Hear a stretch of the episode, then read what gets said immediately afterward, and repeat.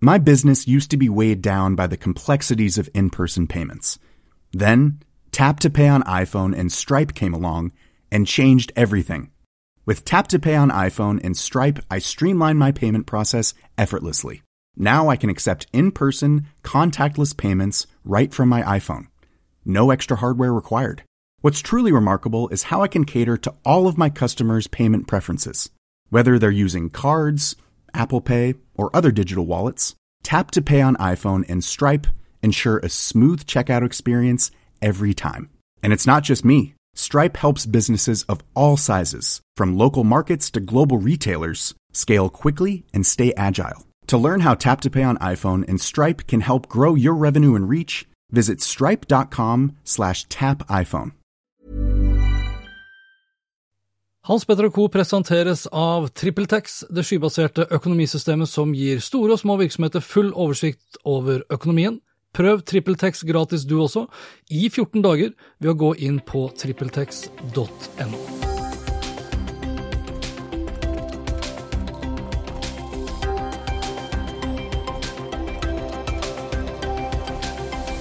I denne episoden skal det handle om den eskalerende handelskrigen, eller teknologikrigen, kaldekrigen eller verdenskrigen, kall det hva du vil. Men det ser jo faktisk da ut som en verdenskrig, og da anført av USA og Kina, og da med kinesiske Huawei i sentrum av det hele.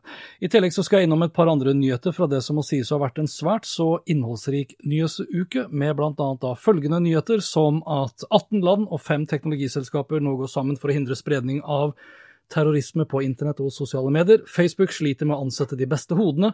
San Francisco forbyr bruk av ansiktsgjenkjenning. Google skal tilby dronefrakt i Helsinki. Finland vinner krigen mot falske nyheter. Og gamerne får opptil 50 000 dollar i timen for å spille online. Velkommen til Hans Petter og co. Jeg heter Hans Petter, og denne episoden ble spilt inn onsdag 22. mai. Lenker til alt jeg har snakket om og øvrige innslag det finner du på hanspetter.info. Hovedtemaet i dag handler ikke overraskende, vil jeg tro, om USAs bannlysing eller blokkering av kinesiske Huawei, men før vi kommer dit, så skal vi ta for oss de øvrige sakene, og da i korte trekk. I kjølvannet av terrorhandlingen i Christchurch på New Zealand, hvor over 50 mennesker mista livet, og hvor gjerningsmannen strømmet det hele live på Facebook, så har nå 18 land, deriblant Norge, og fem teknologiselskaper blitt enige om en intensjonsavtale for å hindre spredning av terrorinnhold på internett og i sosiale medier. Norge som sagt, og Sverige er blant de 18 landene som har signert på den ikke-bindende avtalen, som Danmark og USA ikke har blitt med på. Og De fem uh, selskapene som har signert, er Facebook, Google, Microsoft, Amazon og Twitter. Og Søndag 19. mai gjestet jeg TV 2 Nyhetskanalen for å snakke mer om avtalen, og lenke til det videoklippet ja, det finner du også da på hanspetter.info.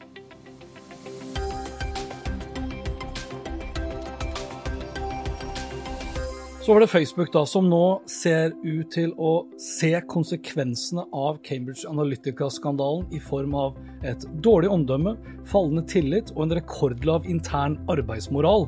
Og enn så lenge så har ikke det slått ut økonomisk, men nå opplever Facebook at det er svært vanskelig å ansette de beste hodene. I slutten av 2017 så ble Facebook kåret til Amerikas beste arbeidsplass, og Scott Galloway, som bl.a. har skrevet boken The Four, The Hidden DNA of Amazon, Apple, Google and Facebook, skrev at Apple er et av verdens mest innovative selskap, at vi stoler mest på Google, og at Facebook er kjent for å være det beste selskapet å jobbe for. Den gang da. For det stemmer angivelig ikke nå lenger. CNBC med flere skriver nå at Facebook har slitt med å ansette talentfulle medarbeidere siden Cambridge Analytica-skandalen.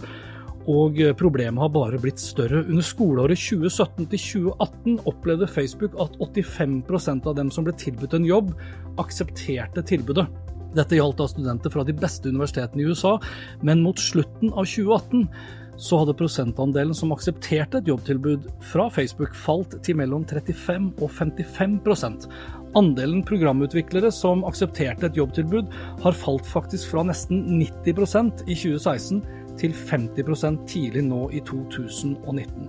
Og for et selskap som økte antall nye ansatte med nesten 40% fra første kvartal 2018 til 2019, så er det her svært alvorlig.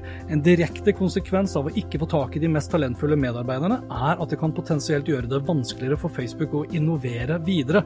I tillegg så kan det skade Facebook ytterligere at de samme talentene begynner å jobbe for Facebook sine nærmeste konkurrenter, og det kan koste Facebook dyrt. Og da ikke bare i dårlig omdømme, men i kroner og øre.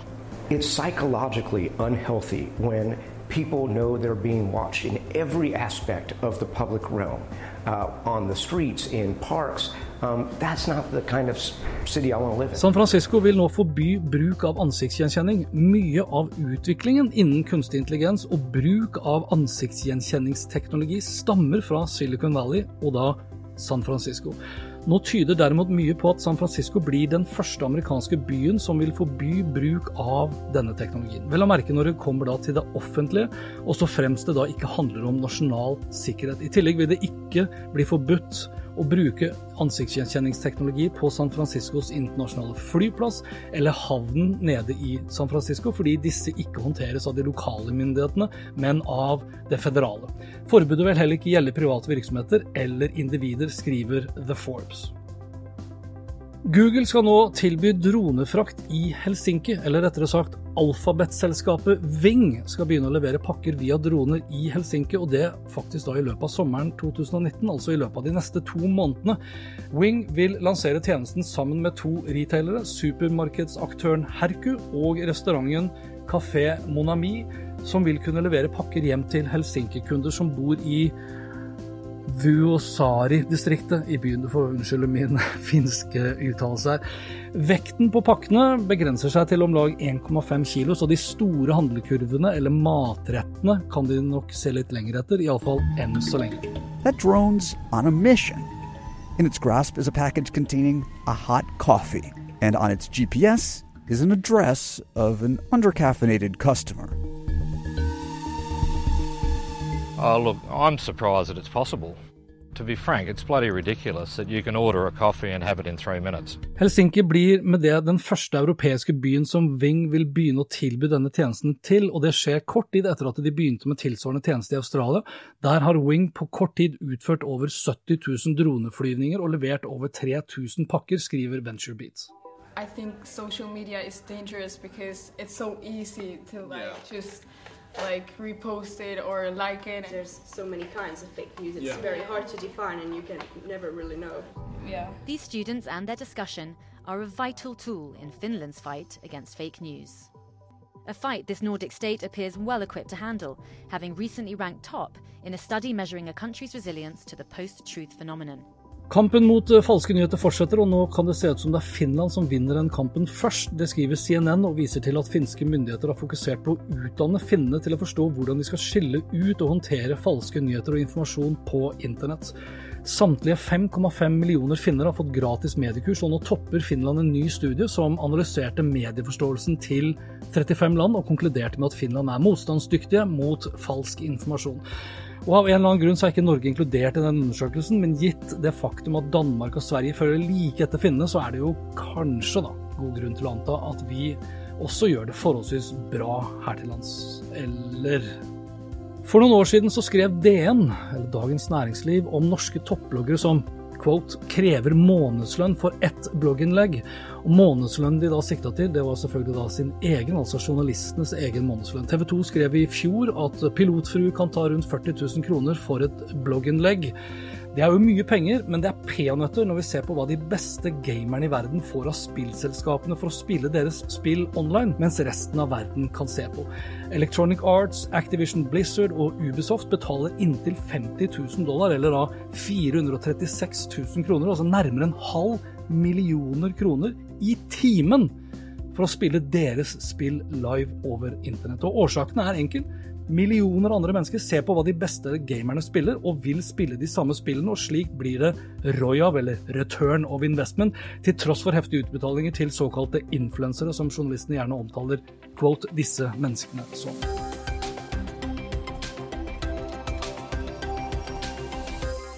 «16. mai skrev Reuters at USA hadde plassert det kinesiske telekomselskapet Huawei, på norsk Huawei på deres svarteliste, på deres entity list, som kort forklart forbyr Huawei å kjøpe produkter, varer og tjenester fra amerikanske selskaper uten en godkjenning fra de amerikanske myndighetene.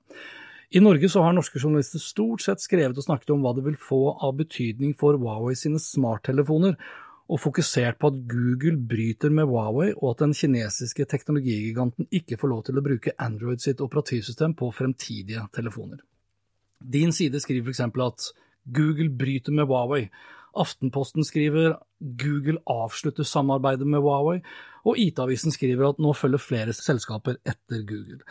Og bare så det er klart, det er ikke Google som bryter med Huawei, det er Google og alle de andre amerikanske selskapene som ikke får lov til å gjøre business med Huawei. Punktum. Altså nesten punktum, i hvert fall.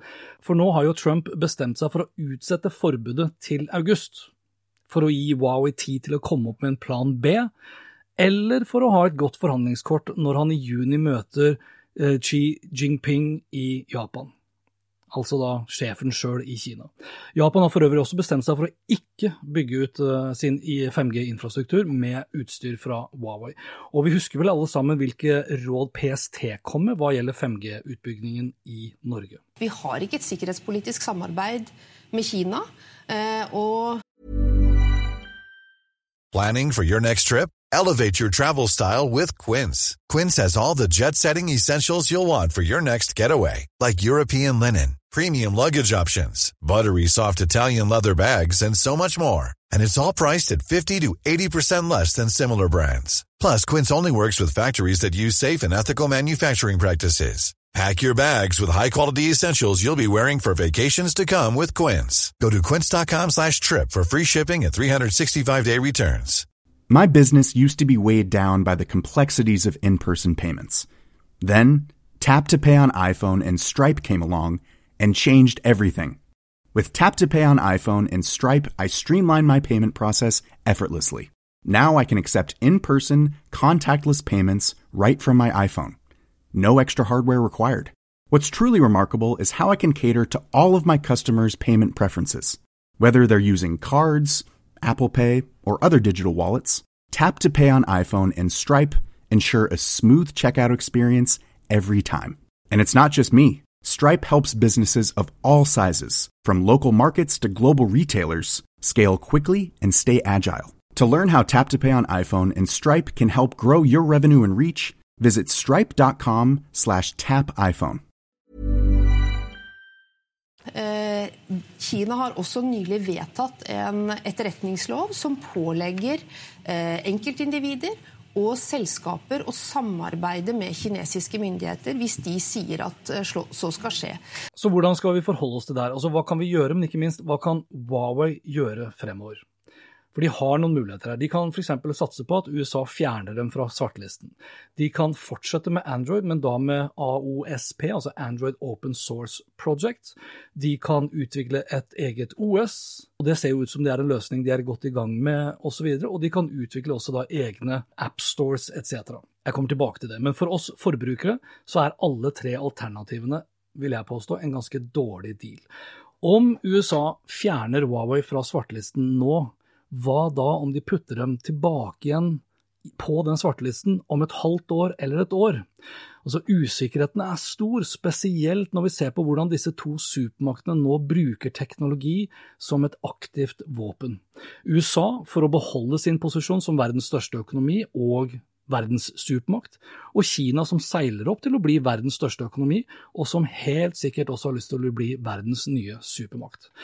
Velger Huawei å gå med alternativ 2, altså den begrensa utgaven av Android, open source-utgaven av Android, så kan vi som forbrukere mer eller mindre si ha det bra til alt som heter sikkerhetsoppdateringer.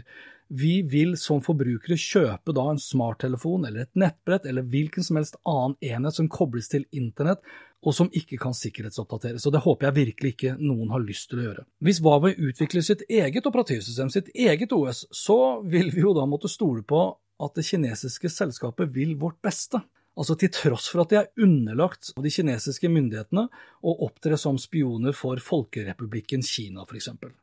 Kan vi stole på at sikkerheten som Huawei implementerer i sitt nye operativsystem på Huawei sine produkter, er godt nok? Det tviler jeg sterkt på.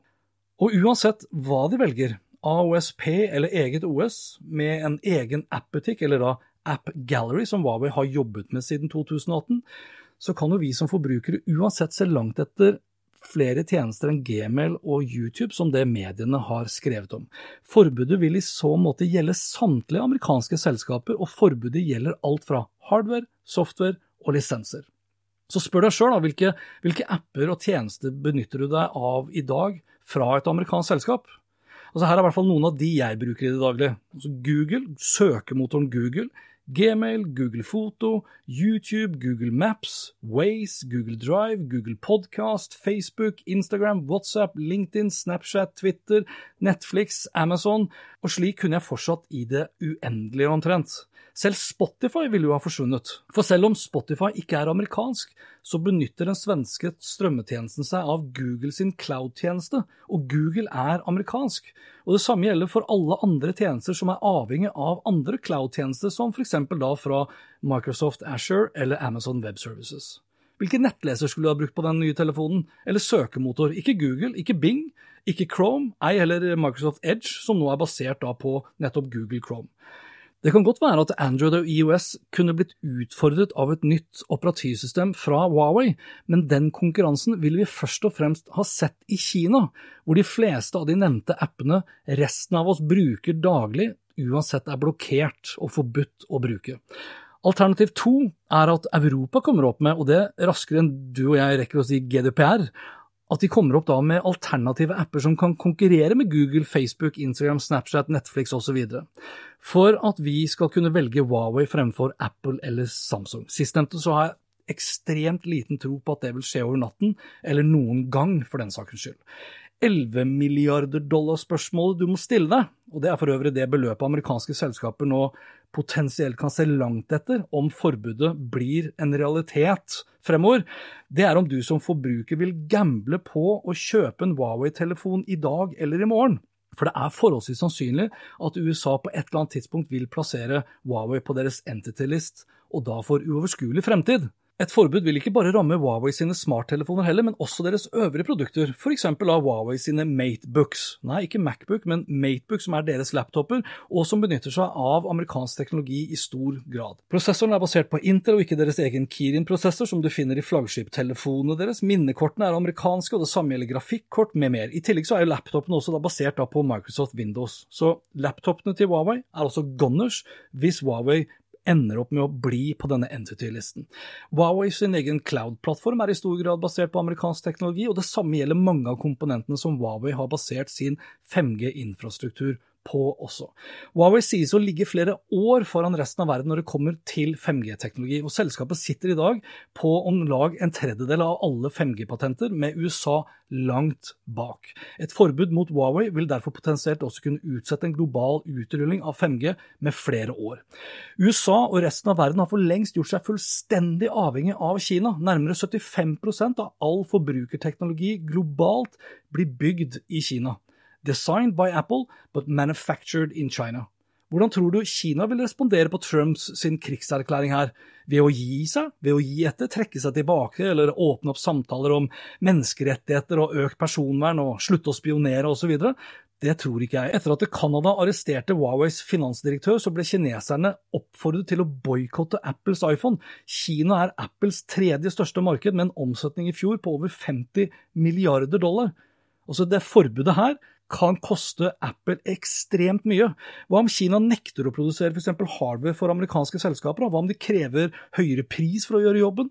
Eller kanskje de bare begynner å jobbe mye saktere? Eller enda verre, hva om Xi Jinping nekter amerikanske selskaper tilgang til de mange råmaterialene som teknologiselskapene er avhengige av for å lage sine produkter, og hvor Kina er den største eksportøren i verden? Og nå snakker amerikanerne igjen å forby kjøp av droner fra Kina, og det har de gjort før. Og det uten at DJI blir nevnt spesifikt i artikkelen fra CNN, så er det gitt at det er DJI man har i tankene. Department of Homeland Security har tidligere hevdet f.eks. at DJI sender sensitiv informasjon om amerikansk infrastruktur til myndighetene i Kina. Blir DJI satt på svartlisten, så kan vi ikke bruke DJI i Norge hvis vi har da en iPhone eller en Android-telefon, fordi det vil hindre amerikanske selskaper, inkludert Google Google og Apple å tillate DJI-apper på deres plattformer i tiden fremover. Og som om ikke det er nok, så vurderer også USA nå å svartliste en rekke overvåkningsselskaper, bl.a. da Hikvisions. Selskapet som har en markedsverdi på nærmere 40 milliarder dollar, er et av verdens største produsenter av utstyr for videoovervåkning. Og ifølge Bloomberg så vurderer USA lignende tiltak mot totalt fem kinesiske overvåkningsselskaper. Det her er, som du kanskje forstår, fryktelig mye større enn at Google bryter med Huawei. Dette er krig. Dette er tredje verdenskrig, som Helge Skrivevik skrev i februar på mymayday.com. Denne verdenskrigen handler om teknologi, om 5G, kunstig intelligens og data, og at den supermakten som sitter på den beste teknologien, er den som vil få mest makt. Eller som Russlands president også har uttalt det, den nasjonen som blir ledende innen kunstig intelligens, kan få herredømme over hele verden. Og gjett én gang, da, hvilken nasjon som leder utviklingen av kunstig intelligens også. Og kampen for å lede kunstig intelligens er den mest sannsynlige årsaken til tredje verdenskrig, skrev Teslas Elon Musk på Twitter for snart to år siden. Om du bør kjøpe deg en Huawei smarttelefon eller ikke, det skal ikke jeg bestemme for deg, men du bør være innforstått med at det vil være en mager trøst om Huawei vil måtte ta til takke med en open source-utgave av Android. En smarttelefon i dag som ikke kan sikkerhetsoppdateres, er rett og slett farlig å bruke, og et kinesisk OS som potensielt ikke får tilgang til amerikanske apper og tjenester, er lite verdt, iallfall for alle oss som ikke bor i Kina. Nå kan det jo tenkes at denne 90-dagersforlengelsen var det som skulle til da, for at Donald Trump får det som han vil, når han da møter Xi Jinping i Japan om en knapp måned. Av det jeg kan se, og alt jeg har lest og registrert hva gjelder den økende handelskonflikten mellom en supermakt som vil forsvare sin posisjon, og en annen supermakt som vil skaffe seg verdensherredømme, og det uten å tenke på verken personvern eller menneskerettigheter, så hadde ikke jeg i alle fall satset på en Huawei-telefon akkurat nå. Da ville jeg heller gått for en Samsung Galaxy S10 Plus f.eks., eller en iPhone, eller ventet for å se hva som skjer i Japan om en måned, og samtidig håpe på at USA snur fullstendig hva gjelder deres relativt anstrengte forhold til Huawei, DJI, Hikvision og en rekke andre kinesiske selskaper, eller Kina. Sagt på en annen måte, at de da velger å avslutte den tredje verdenskrig. Om du har lyst til å forstå enda mer om handelskrigen som utspiller seg mellom USA og Kina, så vil jeg anbefale dokumentaren fra Frontline. Den finner du på YouTube, og lenke finner du selvsagt også på hanspetter.info. We got to fix our system to compete with China. We do have a chance to see the new Cold War. I think it's a comprehensive confrontation. That's dangerous. Tonight on Frontline, Trump's trade war. Og dette var det. Liker du det du hørte og vil forsikre deg om at du får med deg de neste episodene, da kan du bl.a. abonnere på Aspetter og Co. på Apple Podcaster. Ellers er podkasten også tilgjengelig på Spotify, Google Podcast, Overcast og TuneIn Radio. Inntil neste gang, vær nysgjerrig, for det er den beste måten å møte vår digitale fremtid på.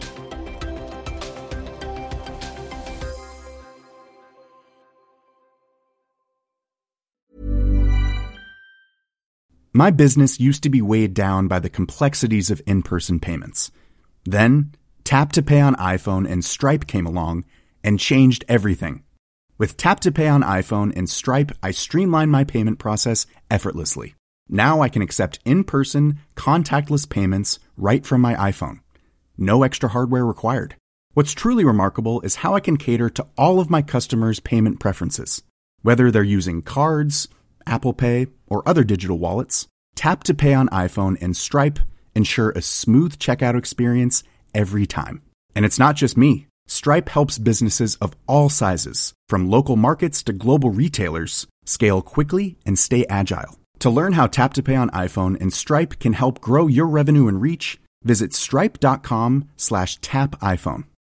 Why don't more infant formula companies use organic, grass-fed whole milk instead of skim? Why don't more infant formula companies use the latest breast milk science? Why don't more infant formula companies run their own clinical trials? Why don't more infant formula companies use more of the proteins found in breast milk? Why don't more infant formula companies have their own factories instead of outsourcing their manufacturing? We wondered the same thing. So we made ByHeart, a better formula for formula. Learn more at byheart.com.